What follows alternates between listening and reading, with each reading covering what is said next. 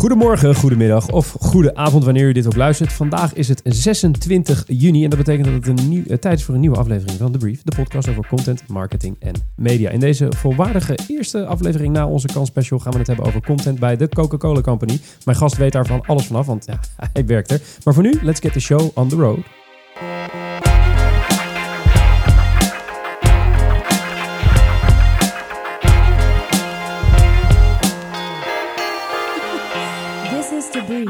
Zijn we weer terug in onze vertrouwde studio na twee afleveringen in Cannes. Wat u ongetwijfeld aan mijn stem een heel klein beetje kan horen. Dat komt omdat we daar twee afleveringen hebben opgenomen. Was heel erg leuk. Kwam absoluut niet door de feestjes. Aan mijn linkerhand eh, zit de onvolprezen Frank Goren. Dag Mark. Ben je een beetje hersteld na zo'n weekje Cannes? Ik heb een eh, weekend in mijn bed gelegen, bijgekomen en eh, we hebben er weer zin in vandaag. Oké, betekent ook eh, je verblijf in Cannes eh, dat de beste content van de afgelopen twee weken uit Cannes komt? Zeker. Ehm, waar ik bij stil wil staan is gewonnen overigens een Titanium Lion. Campagne voor Boost Mobile, gemaakt door 180 L1 en het heette Boost Your Voice. Ehm, wat bleek, in Amerika zijn er hele lage opkomsten in sommige wijken bij verkiezingen. Vooral in achterstandswijken is dat het geval. Lange wachtrijden en dus gaan mensen maar niet stemmen.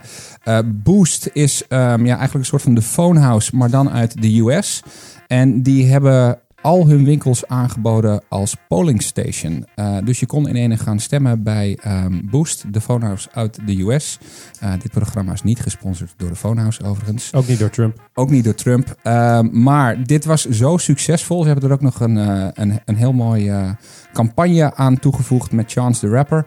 En wat bleek in de wijken waar Boost zat, gingen de ratings omhoog met 23%. Oftewel 23% meer mensen gingen stemmen dan in wijken waar Boost niet aanwezig was. Ehm, ja, ik vind het een prachtige campagne. Goed gedaan, mooi politiek actief.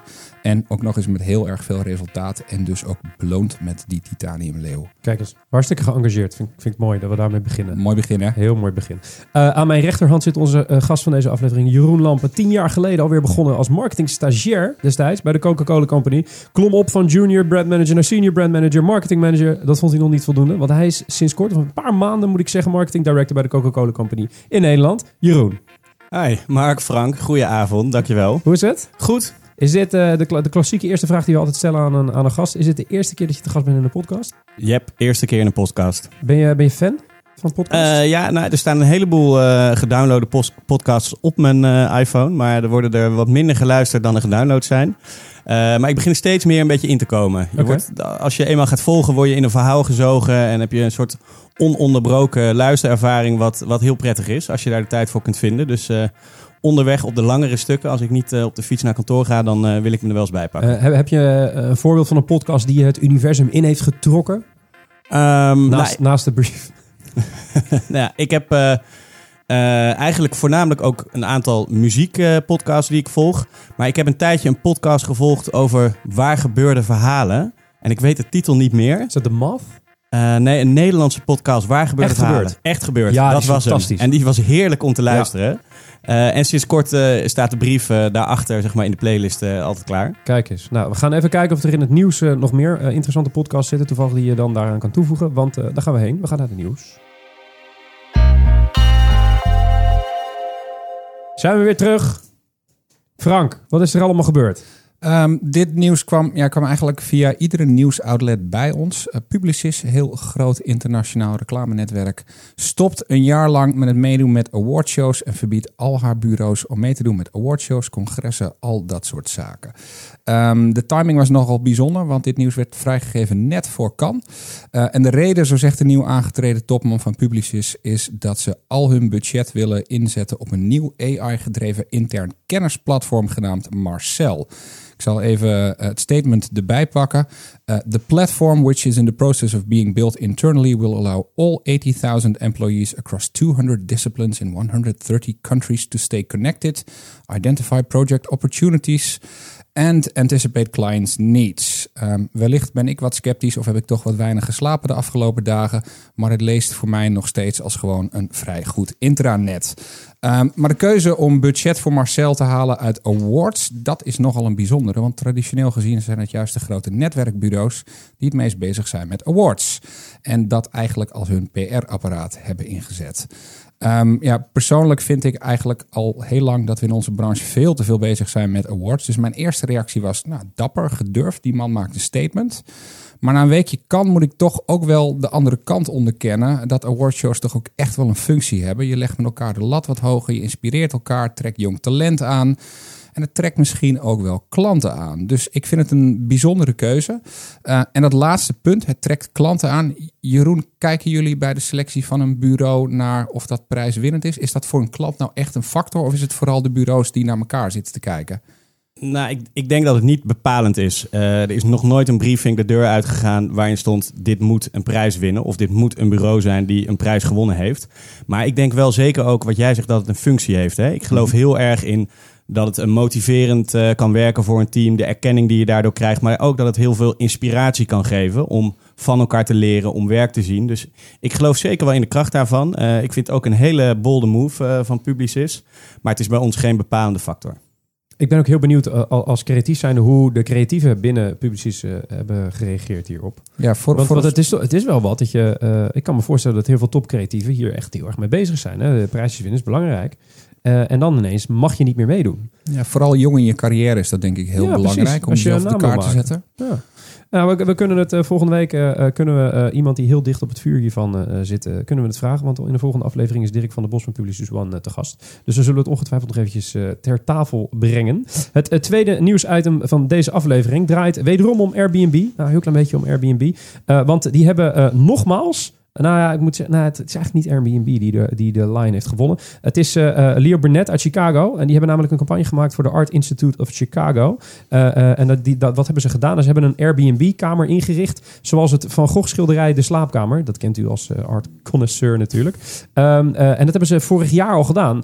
en daar wonnen ze echt, nou ja, volgens mij 14 Lions voor creativiteit mee in 2016. En dit jaar hebben ze er weer één gewonnen. En dit keer niet nogmaals omdat het zo'n leuk idee was. Maar omdat het heel effectief is gebleken. Want maar liefst 133.000 uh, extra bezoekers trok het uh, de Art Institute of Chicago naar hun Van Gogh-expositie. Dus vond ik wel tof om te zien dat er naast mooie plaatjes, mooie video's en interessante creatieve ideeën ook gewoon effectieve dingen tussen zitten. Frank. Wat, Ja. wat vind jij ervan? Nou, ik vind het heel mooi dat hier iets als wat we in Nederland een lamp en een effie bij elkaar komen. En dat je het ene jaar iets prachtigs ziet uh, waarvan je soms nog wel eens denkt, ja, dit is prachtig werk, maar heeft het ook echt wat gedaan? Als je dan 14 lampen in het ene jaar wint en het jaar erop terugkomt, sorry, 14 leeuwen in dit geval, maar als je dan het jaar erop terugkomt en kunt aantonen dat het ook echt heeft gewerkt en dat dus creativiteit en effectiviteit hand in hand zijn gegaan met elkaar, ja, dan ben je wel echt prijswinnaar in mijn ogen. Ja, het was ook gewoon een leuk idee. Zou je erin gaan slapen, denk je? Absoluut. Ja? Ja, ik zou ook wel naar Chicago willen, maar Maar dat voornamelijk waarschijnlijk. dat voornamelijk. Hey, uh, het uh, derde nieuwsitem van deze uh, aflevering. Wat, Ja. wat, uh, wat is dat? De derde nieuwsitem komt bij ons via businessofashion.com. Een artikel met de kop Should Condé Nast sell itself? Kort gesteld, het gaat slecht met Condé Nast. De uitgever stopte onlangs met haar e-commerce platform Staal.com, waar ze heel wat centjes in hebben gestopt. En het zal je niet verbazen, het gaat met de printtitels van deze gigant, denk aan Vanity Fair, GQ, Vogue, niet zo heel erg best. En ook een digitaal businessmodel lukt bij hun nog niet helemaal. Nou, de vraag die in dit artikel wordt gesteld is, moeten ze die titels niet direct verkopen? aan bedrijven, aan fashion houses. En dat is een ontzettend interessante stelling. Uh, uh, de goeroe op ons vakgebied, Joe Politie, geeft al jaren aan dat dat een goede strategie zou kunnen zijn. Je kan je eigen content brand beginnen. Je kan ook gewoon een bestaande titel kopen. En zeker als die matcht bij je merk en als het niet zo goed gaat met een titel, kun je die ook nog eens voor heel weinig geld kopen. Uh, denk aan dat ik een pak bij Hugo Boss koop en vervolgens als relatiemagazine de GQ ga ontvangen, die ik niet meer in de winkel kan ontvangen. Uh, ik vind dat een hele interessante gedachte. Um, deze meer buy-strategie dan een make-strategie. En ik vond uh, daarom ook de insteek van dit artikel interessant. Uh, Jeroen, ik weet dat jullie allerlei content-initiatieven hebben. Hebben jullie ooit overwogen om te zeggen: we bouwen het niet zelf, maar we nemen gewoon iets over? Ik, ik weet dat bijvoorbeeld Visa dit ooit, ik dacht met Villa Darter heeft gedaan. Een, een, een magazine wat bestaand was, maar tanende. En dat heeft overgenomen als relatiemagazine. Zou dat voor jullie een werkzaam model zijn of zijn jullie daar te groot voor? Ja, ik, weet- ik, weet niet, ik weet niet of het met de grootte te maken heeft. Maar ik kan me ook voorstellen dat je eh, uiteindelijk wil je de kwaliteit van de content zo hoog mogelijk houden. En zo goed mogelijk laten aansluiten bij het verhaal wat je wil vertellen vanuit je merk. En in die zin je kan iets overnemen, maar dan moet je vervolgens ook zorgen dat je volledig de controle gaat hebben over wat je er van daaruit gaat communiceren. Dus als je dat kunt borgen, dan denk ik dat het interessant kan zijn. En dan de vraag die daarbij hoort, is dan natuurlijk hoe ga je je organisatie daarop inrichten? Want als het betekent dat je een enorm eh, ja, ontwikkelteam, eh, productieteam moet gaan neerzetten voor alleen maar zoiets, dan wordt het vaak wel weer, eh, denk ik, een moeilijke exercitie. En wil je liever die creativiteit en dat soort dingen van buiten halen, van de mensen die daar echt in gespecialiseerd zijn. Ja, ik denk, ik denk in dit soort gevallen dat ze ook de, de hele uitgeverij overnemen. Dus het is niet, we nemen alleen de, eh, de gesponsorde artikelen over, maar we kopen gewoon echt de uitgeverij. Waarmee je ook dat hele team in één keer overneemt. Ehm, er zitten natuurlijk wat haken en ogen aan, want ja, blijven die mensen die eh, ehm, journalist waren, blijven die ook op het moment dat ze worden overgenomen? Eh, blijft de kwaliteit in stand? Dat soort zaken. Ehm, maar ja, ik snap wat je zegt. Ja, bold move. Zeker interessant. Nou ja, alleen al het IP overnemen zou natuurlijk wel waardevol kunnen zijn. Ik bedoel, er is ook een reden waarom het niet zo goed gaat met die titels. Dat zal ongetwijfeld ook een heel klein beetje komen door de manier hoe het nu gerund wordt. Maar ik kan me voorstellen dat een titel als Vogue of een, een titel als GQ, weet je, bij heel veel mensen toch nog wel eh, het hart sneller doet kloppen. Zeker. Dus dat kan, eh, dat kan zeker interessant zijn. Zijn we alweer aan het einde van het nieuws. Heeft u nou iets gehoord waarvan je denkt, hey, dat klinkt interessant. Ik wil meer weten over het nieuws of van het ene waar, waar Frank of Jeroen naar refereerde. Eh, we hebben een hele mooie pagina speciaal eh, toegewijd aan deze aflevering. Dat doen we de show notes. Die vind je op podcast.wayneparkerkent.com. En iedere verwijzing of referentie die we doen in deze aflevering, die schrijft onze zeer gewaardeerde redactrice eh, Jill. schrijft ze daar allemaal op. We doen ook nog een linkje in de beschrijving van deze podcast, zodat je er ook nog eens met één druk op de knop of een druk of een swipe met je vinger, of hoe je het ook wil noemen, en meteen op die pagina bent. Dat gezegd hebbende, gaan we nu naar het interview. Yes, zijn we weer terug in de studio. Eigenlijk nog precies waar we net waren. Eh, Jeroen, zit je nog goed op je plek? Zeker, Ja? yes. Ben je een beetje gewend aan de studio, aan de microfoon, aan de, aan de atmosfeer? Ja, het is een eh, heel fijn plekje hier eh, in de kelders eh Ja, was- Keizersgracht. Is het, even, Perfect. is Ja. het even romantisch als dat je je voor had gesteld? Nee, het is romantischer dan dat, absoluut. Ah, kijk, dat is hartstikke mooi. Hey, je, je loopt zoals gezegd in de intro al, al tien jaar rond. Is, tien- is het langer dan tien jaar? Tien jaar, Tien jaar. Tien ja. jaar loop je rond bij, bij de Coca-Cola Company. Bij Coca-Cola gaan we hem gewoon vanaf nu noemen, anders is het zo mondvol. Eigenlijk de droomcarrière van een marketeer. Hè? Van, vanaf stagiair naar, naar marketingdirecteur. Wa- wat is er veranderd? Niet voor jou persoonlijk, maar binnen Coca-Cola. Hoe heb je de, hoe, wat is er allemaal veranderd? eh? Ja, ik, ik denk dat er, dat er ontzettend veel veranderd is in al die jaren. Ik heb in ieder geval best wel eh, eh, wat verandering gezien. Hetgene wat er in ieder geval niet veranderd is, is ons belangrijkste en grootste merk, Coca-Cola. Het merk Coca-Cola is nog steeds het merk voor de ultieme verfrissing, eh, voor authenticiteit, voor eh, icoon voor positiviteit. Dus dat is hetzelfde gebleven. Maar daaromheen, denk ik, is ontzettend veel veranderd. Dus als je kijkt naar hoe we ons portfolio hebben vormgegeven, en dan zeker de laatste jaren, waar we echt eh, stappen gezet hebben op innovatie, op het breder maken van, van, onze product, van ons productaanbod. Ehm, we zien eigenlijk dat, dat die consumenten om ons heen ontzettend aan het veranderen zijn. En ik denk alle veranderingen die daarbij horen, daaromheen. En dan met name dus op portfolio, maar in tweede plaats ook op marketing. Dus hoe gaan we die doelgroepen die we willen verleiden tot onze producten, hoe gaan we die bereiken?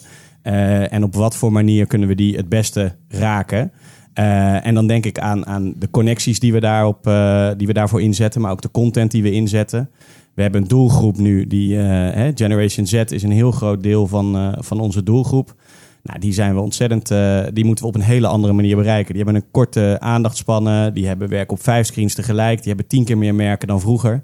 Dus dat is voor ons de enorme uitdaging. Hoe kunnen we die, die doelgroep blijven bereiken? En ik denk dat de veranderingen, de meeste veranderingen die ik zie, die hebben daarop plaatsgevonden. Ja, want als je kijkt naar Coca-Cola is natuurlijk een merk wat we... We, kunnen de, de klassieke eh, reclames op televisie natuurlijk nog heel goed... eh, eh, die kennen we gewoon, weet je. De, de, kerstman wordt zelfs naar gerefereerd in de, in de laatste aflevering van Mad Men. No spoilers there. Ehm, als je nu kijkt naar het moment waarop je daar bij Coca-Cola het gevoel kreeg... We moeten naar een ander kanaal. We moeten iets met content marketing. We moeten iets met, wa- was er een specifiek moment waarin je de organisatie ineens zag, zag gaan bewegen? Nou, ik, ik zou niet één tipping point kunnen aanwijzen waar we dat, waar we dat gingen doen. Ik denk dat het heel geleidelijk ging. Hè? Van, van meer spendings op digitale media, eh, het kijken naar online video, dat complementair gaan zien aan televisie. eh, ja, nieuwe mediatypes die ontstonden.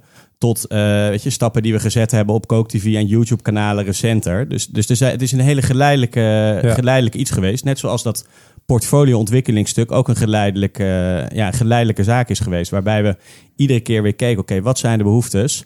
En hoe gaan, we daar, eh, hoe gaan we daar met onze producten op inspelen? En en bestaat er dan zoiets als een wet van een remmende voorsprong? Wat je ziet is dat de, de grote, sterke, klassieke merken zoals jullie eigenlijk hun merk in, in hele klassieke kanalen hebben opgebouwd. Eh, heel erg geleund hebben op tv ook altijd.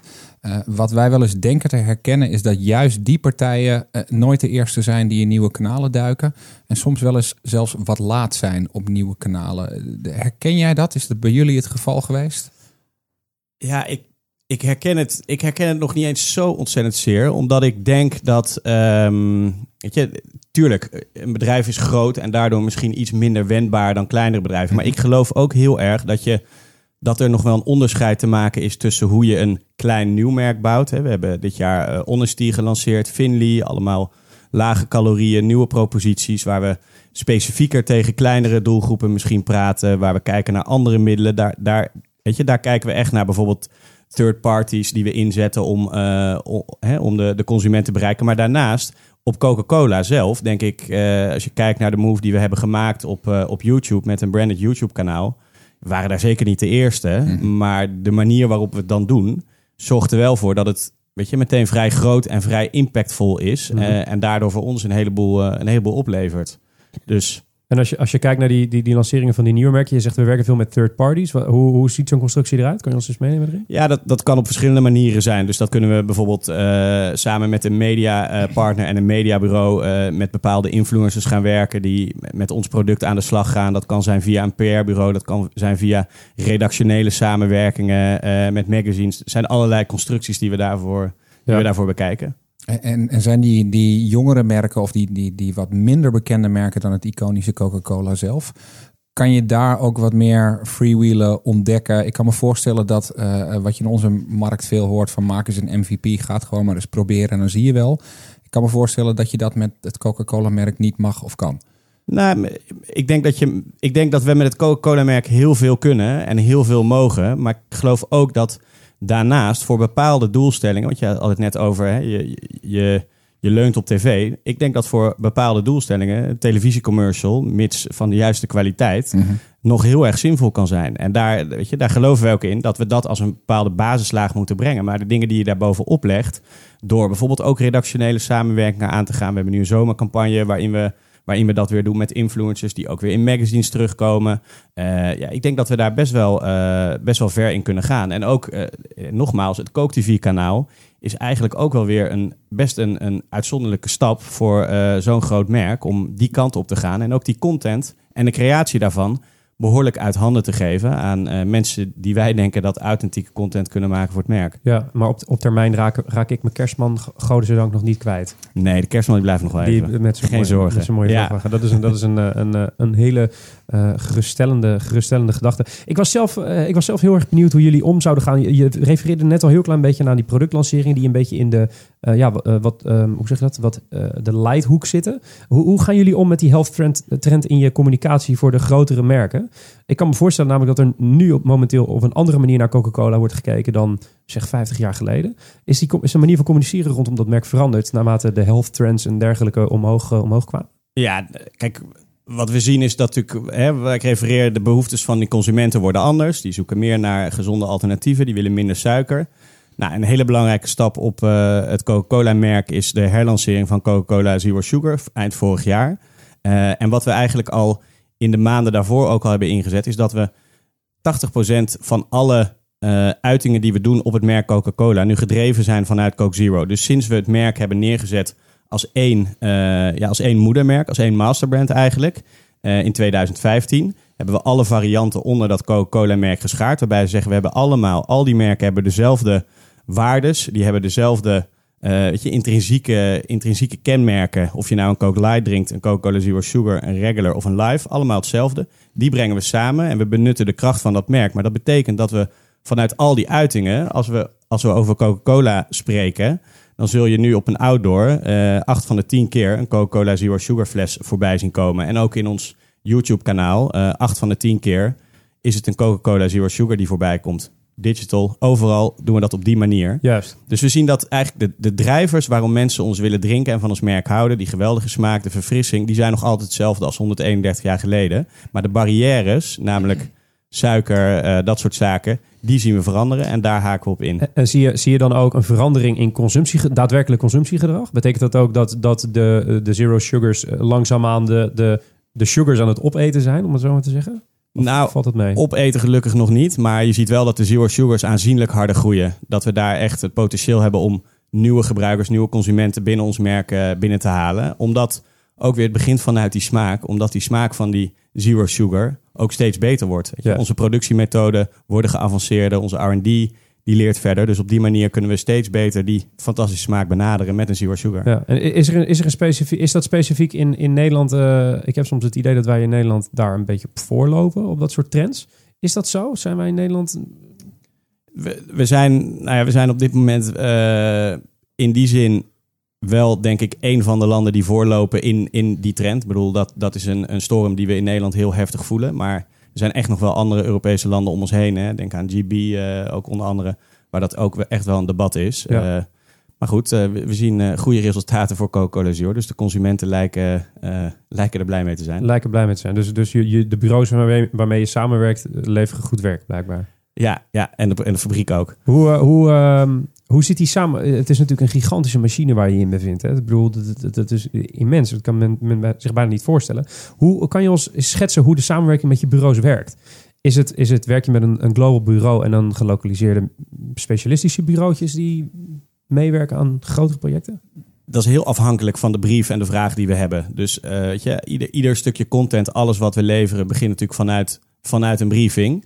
Ehm, en afhankelijk van wat dat is, of dat bijvoorbeeld valt onder een eh, centraal geproduceerde kerstcampagne, zullen er zaken vanuit ons centrale team komen die we gaan adopteren. Maar er zijn een heleboel dingen die we ook, eh, die we ook en ook voor de grote merken, maar zeker ook voor de kleine merken, die we lokaal doen.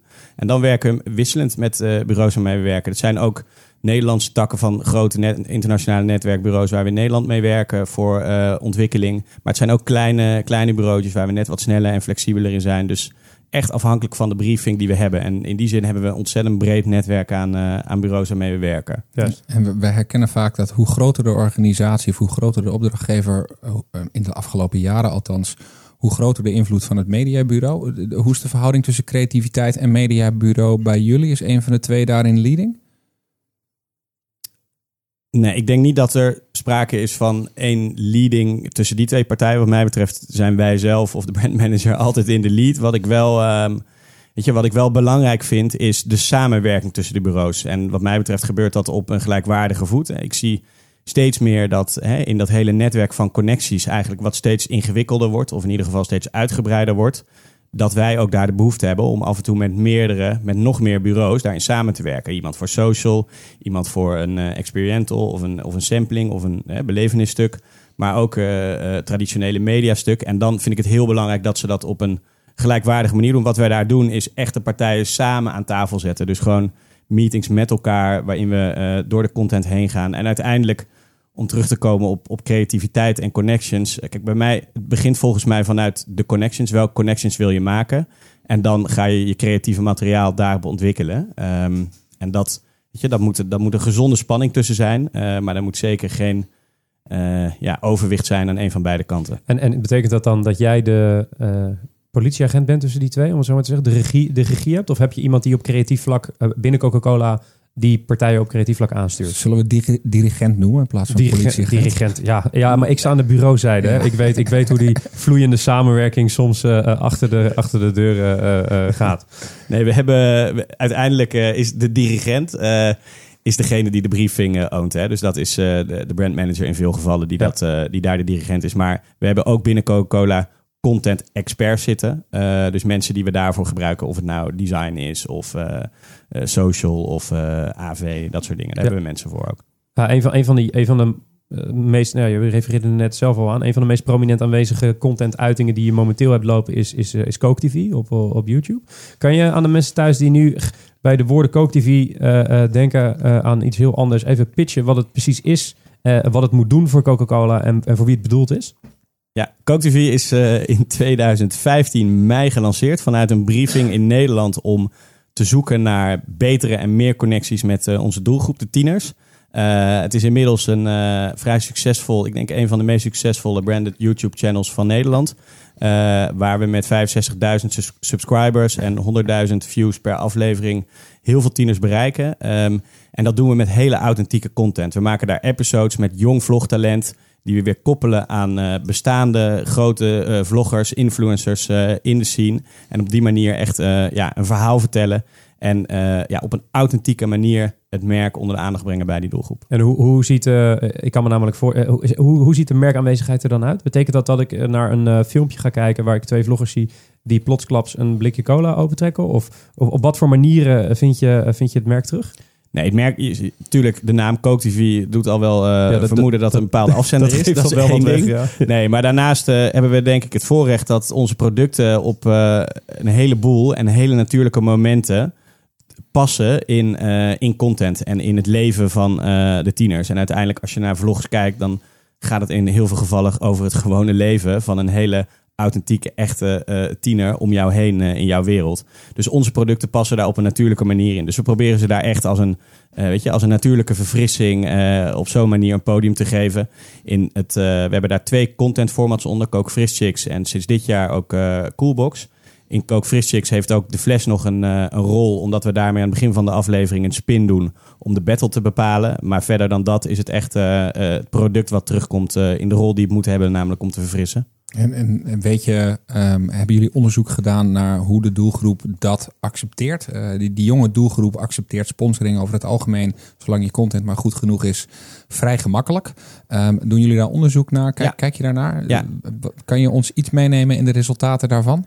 Ja, dat, ja, absoluut. En ik denk dat er. ehm hè, wij, wij, wij checken dat eh, op, op, op ja, ongoing basis, zeg maar, met de mensen die de content zien. En we zien dat mensen uiteindelijk eh 10, 11 procentpunten meer van ons merk gaan houden die, eh, die deze content gezien hebben. Dat is één ding. Maar daarnaast ga- zie je natuurlijk ook, en dat is het mooie van YouTube en dit soort content, in je comments en in je, in je duimpjes omhoog en naar beneden. Op YouTube zie je redelijk snel wat het sentiment is. Of je afgeslacht wordt eh, of dat het, eh, dat het positief is. Dus de engagement scores die we daar ook zien, de comments, gewoon de kwalitatieve comments die we daarin lezen, wordt het eigenlijk ontzettend goed eh, ontvangen. En, en hoe, hoe ziet dat team aan de achterkant eruit? Want je zegt, we houden het voortdurend in de gaten. Betekent dat dat jullie in-house een redactioneel team hebben zitten? Of heb je een vaste partij die dat handelt? Nee, we hebben vaste partij die dat handelt. Dus eh, we werken daar samen met eh, Universal Media Studios. Ehm, en eh, zij weer met allerlei partijen die, die daar weer aan gekoppeld zijn. We hebben in-house twee mensen zitten die hier eigenlijk, nou niet fulltime, maar redelijk intensief mee bezig zijn om dit traject te begeleiden. En je kunt je voorstellen, we werken heel veel samen met festivals, klanten, allerlei, Ja. Weet je, allerlei zaken om die content zo lokaal, Nederlands, authentiek en, eh, en, en inspirerend en engaging mogelijk te maken. Dus dat is een intensief traject. ehm, maar dat doen we eigenlijk met twee mensen en, eh, en een team van, eh, van Universal Media Studios. Helder. Ja, het is mooi om te zien dat jij ook aangeeft, die, die ervaring hebben wij ook, dat als je dit soort kanalen begint, dat je dan eh, ehm, ja, significant beter scoort op branding dan dat je dat normaal gesproken met bijvoorbeeld tv-reclames doet en dat het in die doelgroep heel erg aansluit. Is er een einddoel voor jullie of is, is er een heel belangrijk punt waarvan je zegt dat is wat we willen bereiken, dan, dan zijn we echt succesvol? Los van het succes wat je nu overigens al hebt. Nou, ik, ik denk dat het, ehm, het doel hiermee gewoon is om, om te blijven groeien en dit te blijven uitbreiden. En ik, heb, ik, ik weet niet zo goed hoe groot dit kan worden. Ik denk dat dit nog een heel stuk groter kan worden. En ik denk, ik zie ook heel veel opportuniteiten om het nog, nog beter te connecteren met campagnes die we hebben. eh, weet je, met, met, met festivals, met klanten, met zaken die gebeuren. Er zit ontzettend veel waarde nog in. En we zetten ieder jaar zetten we kleine stapjes. En ik denk ook dat het goed is dat we daar, weet je, dat we dat incrementeel doen. Ehm, ieder jaar stellen we natuurlijk ook doelen voor onszelf in termen van subscribers en views. En dan vragen we ons weer af, ja, moeten we, de wereld verandert? Moeten we nu subs hebben of moeten we nu views hebben? En moeten we die dan paid en organic? We, we leunen heel sterk op eh, organisch bereik ook. We denken dat dat belangrijk is. eh, en dat zegt ook wel iets over de kwaliteit van de content natuurlijk. Zeker, Ehm, maar ik vind, eh, ja, ik heb nu niet een, soort vlag ergens in de grond staan van dat moet hem worden. Maar ik denk ieder jaar hier gewoon goed op groeien en het nog beter integreren. Misschien zijn er andere merken waar we hier weet je, dingen van kunnen leren. Dat denk Mhm. ik sowieso. Dus hier zit nog heel veel in. En het is ook, het is ook echt een middel om te leren. En dit zie je ook dan hè, als wij. Dit doen wij heel lokaal. eh, en terwijl we internationaal ook Coke TV uitrollen over meer landen. ehm, zien we, weet je, zijn de landen ook echt plekken waar we kunnen leren en waar we dingen kunnen opschalen. Het productiemodel wat wij in Nederland hanteren is inmiddels over meer landen in Europa weer uitgerold, omdat we zien dat hey, dat lokale concept met die lokale vloggers en die hele authentieke content van eh, die plekjes, dat, dat werkt. Dus het is ook echt een, eh, een leertraject. Nou, tof omdat je, dat je het zo benoemt. Als ik hem mag omdraaien, want jullie zijn toch wel een beetje voorloper in de markt wat dit betreft. Eh, jullie kunnen leren van andere merken. Wat kunnen andere merken op dit moment van jullie leren? Wat zijn de learnings waarvan je zegt, daar hadden we niet op gerekend. Als je hieraan start, dan neem dat even in je achterhoofd mee. Zijn er verrassingen voor jullie geweest? Nou, ik, kijk, wat, wat natuurlijk spannend is als je hier aan begint in een, in een eh, grote organisatie met hele grote gevestigde merken, is hoe ga je de controle houden op die content? En daar hebben we intern natuurlijk onze routines voor. Dus daar kijken iedere week kijken daar een team van mensen bij ons op mee. Om, om te zorgen dat we onbrief zijn, maar ook zeker dat we weet je, niet buiten, buiten onze paden gaan van waar we kunnen gaan met eh, de dingen die we doen. Dus eh, weet je, ik denk wat van ons daar te leren is dat we risico eh, nemen. Dat we ook bepaalde dingen durven. En dat we ook controle over content voor een deel echt uit handen geven. En g- geloven en vertrouwen op het talent van die vloggers. Die mensen die weten veel beter dan, dan wij. Of veel beter dan sommige creatieven zelfs. Hoe je een doelgroep aanspreekt. En hoe je hun taal spreekt. En wat je, wat je moet doen. Wat ook nog iets is Hè, wat ik vind waar we, waar we ook dit jaar weer stappen in zetten en wat misschien, waar misschien van te leren is, is hoe, we, hoe je die content kunt hergebruiken of kunt, kunt verder gebruiken, is misschien een beter woord. Maar als we snippets maken van bepaalde dingen die we doen, eh, weet je, als we shorter formats, edits maken en dat, en dat zetten we in op social of dat zetten we in op andere kanalen, dan maak je weer een hele mooie eh, crossing naar de content die we op YouTube hebben staan. Eh, en op die manier denk ik een soort hè, op dat connection stuk een soort ecosysteem van connections bouwen rondom eh, het YouTube kanaal. Je, je zei net al, eh Coke TV is nu in Nederland eh, eh, vanuit een, een briefing vanuit Nederland eigenlijk op, omhoog gekomen. Rollen we nu wereldwijd uit. Hoe, hoe ver, eh, bet- betekent dat dat ik straks eh, ook een Belgische Fris Chicks en een, eh, eh, een Amerikaanse eh, Fresh Chicks eh, ga, ga, ga zien? Eh, worden die, wat ik bedoel te zeggen zijn, worden die formats ook tegelijkertijd eh, internationaal uitgerold? Of wordt alleen de zender Coke TV uitgerold en worden de formats dan gelokaliseerd? Ja, hoe het nu werkt is, eh, want inderdaad, Fris Chicks is, een, is Nederlands, Coolbox is Nederlands, Coke TV, de naam is internationaal. Eh, en wij kiezen er ook heel bewust voor om die naam te adopteren, omdat we denken dat we daar meerdere formats onder kwijt kunnen en op die manier een, een sterke paraplu eh, kunnen bouwen die ook nog iets voor ons merk doet. Maar het, eh, ja, het is inderdaad zo dat je in veel meer landen dit gaat zien en kunt gaan, kunt gaan zien. Hè? Als je nu eh, naar de Nordics eh, YouTube-kanalen surft, dan ga je ook zeker dingen van zien. Maar de kracht, en dat hebben we de afgelopen anderhalf jaar denk ik ook als hele organisatie met elkaar geleerd, zit hem ook echt in de lokale productie, de lokale relevantie. Ik bedoel, hè, we hebben nu een aflevering, daar zijn we bij Olympic Moves geweest. We werken met Ponkers samen, met allerlei Nederlandse lokale plekken, influencers. En dat maakt het zo echt en dat maakt het zo tastbaar voor die tiener. En of je daar dan een schil van Coolbox, waarbij we saaie alledaagse momenten eh, hè, cooler maken eigenlijk. Of van eh, Fris Chicks overheen gooit, waarbij we battles maken. Dat is dan eigenlijk nog secundair. En dat is ook echt lokaal in te vullen. Eh, en daar hebben we in Nederland een hele goede snaar geraakt. Juist. Ja, ik denk zeker dat jullie een goede snaar hebben geraakt. En, en mooi aan de weg aan het timmeren zijn. Ehm, de- ik als eh, fan kwam vorig jaar, ik geloof dat het, eh, dat het rond december was, toen kwam ik jullie tegen internationaal met een podcast eh, gericht op jongeren, iHeart Radio. En toen ging ik ter voorbereiding van deze show ging ik eens even googlen of dat nog bestond. Dat waren interviews met de Justin Biebers van deze wereld. En daar lees, ehm, zouden heel veel Amerikaanse jongeren naar luisteren. En ik kon hem nergens meer vinden. Is dat een stille dood gestorven? Heb je er überhaupt van gehoord? Wat is er gebeurd? Ik moet je eerlijk bekennen dat ik er nooit van gehoord heb. Maar ik heb jullie net verteld dat ik het ook altijd heel lastig vind om die podcasts allemaal. Een soort, soort, soort eh, heel schemengebied van allemaal podcasts die er Ja. bestaan. Die dus nergens goed gerubriceerd worden. Dus misschien ligt het daaraan. Maar Ja. ik denk dat het eh, misschien wel een hele stille dood ergens gestorven Nou, is. wellicht, eh, toevallig eh, hadden we het net ter voorbereiding over de, de update die Apple godendank eindelijk gaat maken in zijn, in zijn podcast-app, waardoor die rubricering weer wat, wat duidelijker wordt. Dus misschien komt hij daar ineens weer Helemaal boven staan. helemaal boven, bovenaan te staan. Hey, ehm, eh, over, over ehm, eh, je carrière bij, bij Coca-Cola. Je zit er nu tien jaar. Wat moet je nou eh, goed kunnen om, dat, om, dat, om, die, om, die, om die vlucht te maken van stagiair naar marketingdirecteur? Waarom, waarom lukt je dat? Wat, wat maakt je goed? Ik, ik, ik denk, eh, weet je, ik denk dat het goed... Weet je, heel hard werken, dat is natuurlijk één ding. Ik, eh, ik kom uit Rotterdam, dus eh, dan zeggen we dat eh, standaard. Niet, hard lu- werken. niet lullen maar poetsen. Maar ik denk ook daarnaast eh, heel goed je consument begrijpen. En heel goed de veranderende behoeften van die consument begrijpen. En je goed kunnen verplaatsen in, eh, in wat zij nodig hebben. Ik denk dat dat eh, belangrijke krachten zijn die je moet hebben. En daarnaast ook moet je goed kunnen verbinden. Dus je moet synergieën kunnen vinden tussen de bureaus waarmee je werkt, eh, de behoeftes die je consumenten hebben. eh, weet je, de, de, de, de creatieven waar zij weer mee werken. Je bent eigenlijk constant zaken met elkaar aan het verbinden en synergie aan het zoeken. Dus ik denk dat dat een kracht is eh, als derde die je, die je daarbij moet hebben. En wat voor, wat voor we refereerden er net al, al aan, we, wij, wij werken vanuit de bureauzijde. Wij, wij werken met verschillende soorten klanten. Wat voor soort klant ben je? Ben je iemand die zegt, nou, eh, dit is hoe we het gaan doen en eh gaat even regelen? Of ben je iemand die de vrijheid, eh, de vrijheid geeft aan de bureaus? Dat is natuurlijk een hele lastige vraag. die zou je eigenlijk aan mijn bureaus moeten stellen. Maar ik denk... Nou, we hebben ze toevallig aan de lijn.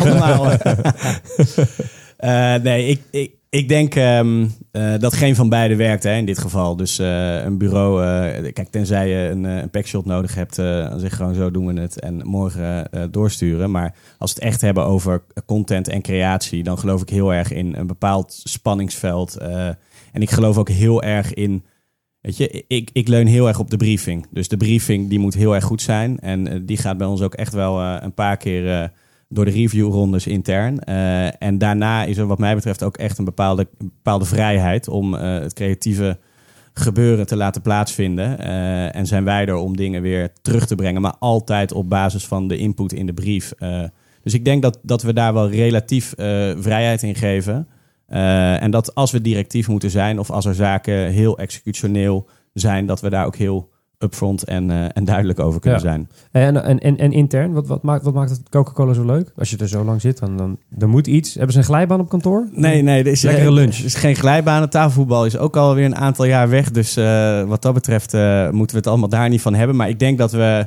Weet je, het, het, het is een, een heel bijzonder en aansprekend merk voor iedereen over de hele wereld. Dus wat dat betreft. Ja, een, een icoon eh, eh, voor de hele wereld. Eh, ik ben daar binnengekomen als stagiair. Je haalt het al aan. en vanaf dat moment eigenlijk stapsgewijs langs alle merken heb ik dingen geleerd. Weet je, soms leerde ik weer wat meer over innovatie toen ik met energy drinks bezig was of met water. En daarna leerde ik weer meer over assets en over connections toen ik campagnes deed over euro, WK, dat soort, dat soort zaken. Ehm, maar ja, een wereldwijd geliefd merk, eh, een internationaal team. eh, in Nederland met relatief een klein team. we werken met 30 mensen voor de Coca-Cola Company. Eh, waarbij je redelijk snel veel verantwoordelijkheid krijgt. Dus al toen ik daar binnenkwam, gingen, we, gingen we Show Fontaine neerzetten. Was je al vrij snel met het bouwen van de propositie. Met gewoon copy, tv-copy development werd je in het diepe gegooid. Dus ja, allemaal dingen die onwijs bijdragen om snel te kunnen leren. En daarnaast die internationale context. En dan weet bedoel ik natuurlijk dat we onderdeel zijn van de multinational. Maar ook binnen onze Nederlandse organisatie diversiteit. Hè? We hebben, eh, nou, ik denk, eh, acht nationaliteiten op de werkvloer lopen. Eh, en volgens mij draagt dat ontzettend bij aan innovatie, aan een goede dynamiek, aan gewoon een hele fijne werksfeer. Ehm, en tot slot, wij werken ook niet alleen in Nederland met Coca-Cola Company, want we zijn onderdeel van een systeem waarin we met een bottelaar werken, Coca-Cola European Partners. Ehm, weet je, en dat is ook mooi, dat je de, de connectie hebt met de fabriek, met de mensen die gewoon in het veld zijn en zorgen dat de producten in de schappen zijn en dat de consument ze echt kan pakken. Dus dat het eigenlijk heel tastbaar maken. Dus eh, ja, wat dat betreft een eh, geweldig merk en systeem om, eh, om voor te werken. En en is er dan ook nog zoiets als interne status? Is het zo dat je uiteindelijk dat je mag beginnen op de kleinere merken en uiteindelijk mag eindigen bij het grote rode Coca-Cola? Of werkt dat niet zo? Nee, nee. En zeker, nee, eigenlijk nooit zo gezien. Eh, ik bedoel, toen, toen ik mijn stage liep, eh, het eerste project wat ik deed was eh, op Coca-Cola. Dus hè, dat, dat zegt al dat, dat, dat dat toen blijkbaar... of ze zagen het toen al. Precies, of er was toen... ja, nee, ja, ja, precies. Nee, maar ik denk... ehm, weet je, ook, ook als je nu kijkt naar ons intern... en hoe wij naar ons portfolio... en eh, want we noemen vaak Coca-Cola... en dat is ook logisch, want zo heet ons bedrijf... en ons grootste merk. Maar ik vertelde net al over portfolio. Hè. We doen dit jaar 17 eh, nieuwe introducties eh, in één jaar. En we zijn ontzettend bezig om dat portfolio te verbreden. Je ziet nu ook in interne presentaties, zaken... weet je, waar, waar wij intern over spreken... dan komt Coca-Cola ook echt niet meer standaard, standaard als eerste. Dus dat is niet per se eh, eh, de top van de rot, zeg maar. Er, zit- er is geen hiërarchie in Nee, merken. nee. I- Voor ons is ieder merk eh, even lief en even belangrijk.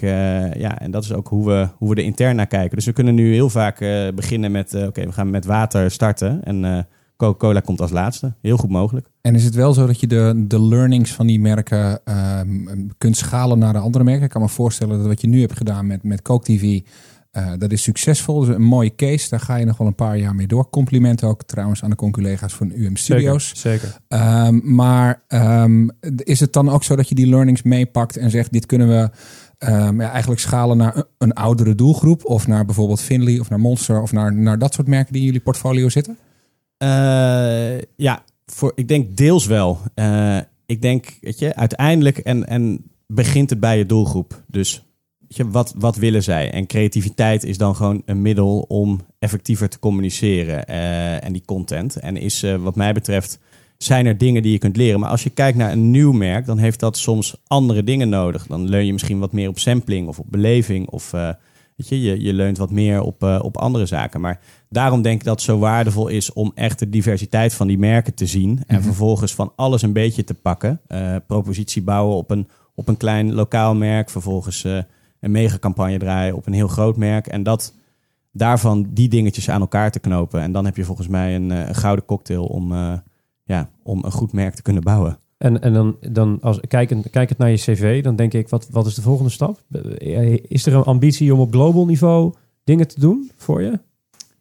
Eh, ja, pff, moeilijk. Ik ben, ik ben nu een paar maanden in deze rol bezig. Groot denken, Ik, ik groot kijk denken. meestal geen, eh, geen 20 jaar vooruit in dit soort dingen. Maar kijk, natuurlijk eh, zie ik nog ontzettend veel uitdagingen. Maar voor mij is dat niet. Het is niet per se dat, eh, weet je, dat de ladder naar global niveau gaat. Er zijn ontzettend veel interessante dingen ook eh, binnen Europa. Of ook nog binnen Nederland. Of binnen het bredere systeem in Nederland. Dus de, weet je, ik denk ook wat ik heel tof vind, is om ook uiteindelijk dicht bij de output te kunnen zitten. En hoe verder je daar vandaan gaat staan, hoe, ja, hoe abstracter, het ook op een wordt, bepaalde ja. manier wordt. Ja. Dus weet je, voor nu eh, kan ik hier eh uitstekend mijn tanden inzetten. En eh, dan gaat er vast wel weer iets moois komen daarna. Precies. Ik was, heel, ik was ook heel benieuwd hoeveel blikjes per dag je nou eigenlijk drinkt. We- Blikjes wat? Coca-Cola? Ik drink Coca- überhaupt geen blikjes Coca-Cola. Ik Nee? drink de hele dag, als ik Coca-Cola drink, zijn het mooi van die glazen horecaflesjes. Oeh, fancy. Die, die staan bij ons ook keurig netjes in de, in de ijskasten. Ehm, maar er wordt tegenwoordig ook heel veel eh Show Fusion gedronken. Dus een nieuwe water met een smaak eh, Ah. en eh, een kleine bubbel erin. Dus dat eh, is ook zeker aan te raden. Maar die staat ook altijd wel voor het grijpen op mijn, op mijn bureau. Klinkt, klinkt, klinkt heerlijk. We, we hebben altijd voor het interview een vaste, een vaste slotvraag. En die draait, omdat we een content marketingbureau zijn, natuurlijk om content. Wat is de beste content die jij de afgelopen twee weken hebt gezien? Dat mag van alles zijn. Een boek, een website, een podcast. Eh, behalve deze dan, dat zou een beetje flauw zijn. Totaal begrijpelijk, maar een beetje flauw. Een film, een artikel, noem het eens. Ja, ik, ik heb, ehm, omdat natuurlijk toch in de, hè, wij zitten ook een beetje in de categorie eh, smaak, genieten, beleven. Dus eh, iets wat mij opviel in die categorie is een voorbeeld eh, van IKEA. En ik weet niet of jullie het gezien hebben. IKEA heeft ehm, eh, papier ontwikkeld. En dat, Ja, is, gezien, dat is bakpapier. En iedereen van ons die hier zo zit, denk ik, zo rond de tafel, heeft allemaal wel eens een keer een billy of een zo'n eh, lakskasten of tafel in elkaar gezet. En ik dan was ken- er gisteren nog. Ja. Jij was er nog. Nou, Ja. dan, dan, dan ken je absoluut die hele schematische, systematische gebruiksaanwijzingen. Dat hebben ze op bakpapier gedrukt voor recepten. Eh, en daarmee eh, kon je dan natuurlijk IKEA foodproducten kopen. Die moest je daar op een hele minuscule, maar o zo duidelijke manier op dat papier draperen. En vervolgens vouwde je dat papier tot een pakket. Dat ging in de oven. Eh cook this paper. eh, en je had een eh, heerlijke maaltijd. Dus ik vind het sterk. Wat mij betreft, weet je, is het, is het simpel. Maar ze hebben de goede PR meegehaald. Het heeft ongetwijfeld een en ander opgeleverd voor hun food sales. Maar het past ook perfect bij het merk. Hè? Dus het, het functionele, het kwalitatieve, het voor iedereen. Dus het is helemaal on-equity voor IKEA. Dus ik vond het een mooi voorbeeld van content. ja, ik heb ook gelijk een beetje trek, ondanks dat we net hebben gegeten. En, en niet onbelangrijk, het is niet de eerste keer dat IKEA als beste content hier wordt genoemd. Nee, nee maar, maar ik vind sowieso... Ik was toevallig gisteren met mijn vriendin eh, eh, in de IKEA. Dit wordt geen lang verhaal, Frank. Ik zie je kijken. Eh, en, en ik kan daar vol bewondering lopen hoe al overal is over nagedacht.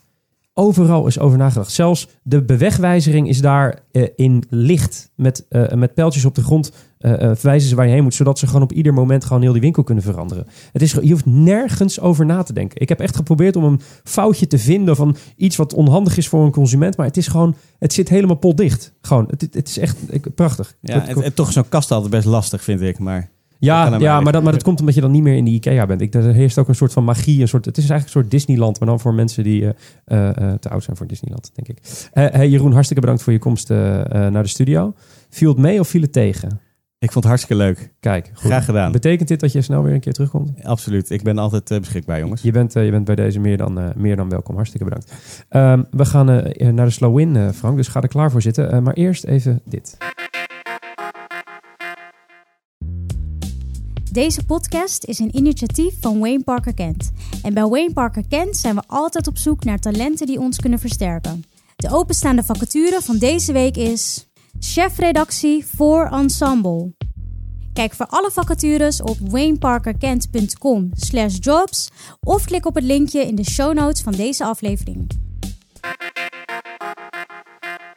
Dan zijn we aangebeland bij eh, onze enige rubriek eh, van, eh, van de brief. Dat is de slow win. En in de slow win zetten we iedere aflevering eigenlijk een merk, een persoon of entiteit in het zonnetje. Omdat ze het goed hebben gedaan de afgelopen twee weken. Ik heb eigenlijk nooit een idee wat er gaat komen. Want dat mag ik nooit weten. Houdt, de co-host altijd streng voor zich. Dus Frank, take it away. Ja, we hebben zoveel moois in Cannes gezien. Maar omdat het meeste daar toch vrij campaign-driven is, kan ik het niet laten om stil te zijn bij hoe mooi een lange termijn contentstrategie kan werken. En ik weet dat ik bijga, bijval ga krijgen hier van onze host. Want Mark is de grootste fanboy van deze case. En degene die mij hem alweer heel lang geleden tipte. Waarvoor dank.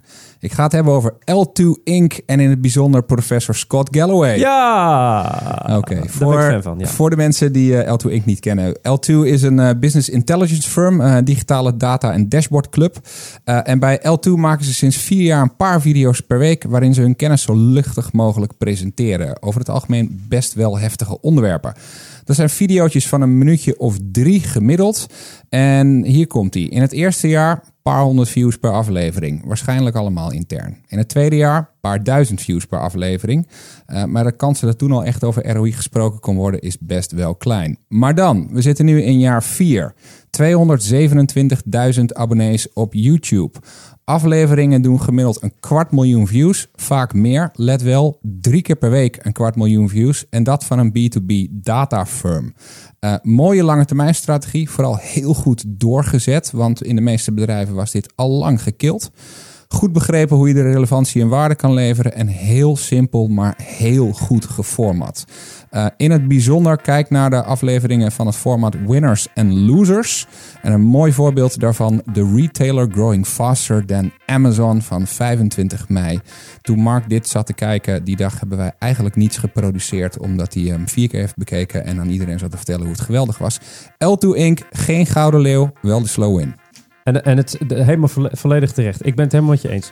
Als, als, je als uh, uh, contentmaker een creatief geïnteresseerd kan krijgen in grafiekjes en cijfertjes, ben je wat mij betreft helemaal perfect bezig. Komt overigens grotendeels door Scott Galloway zelf. Dat is een marketingprofessor van de Universiteit van New York, geloof ik. Hè?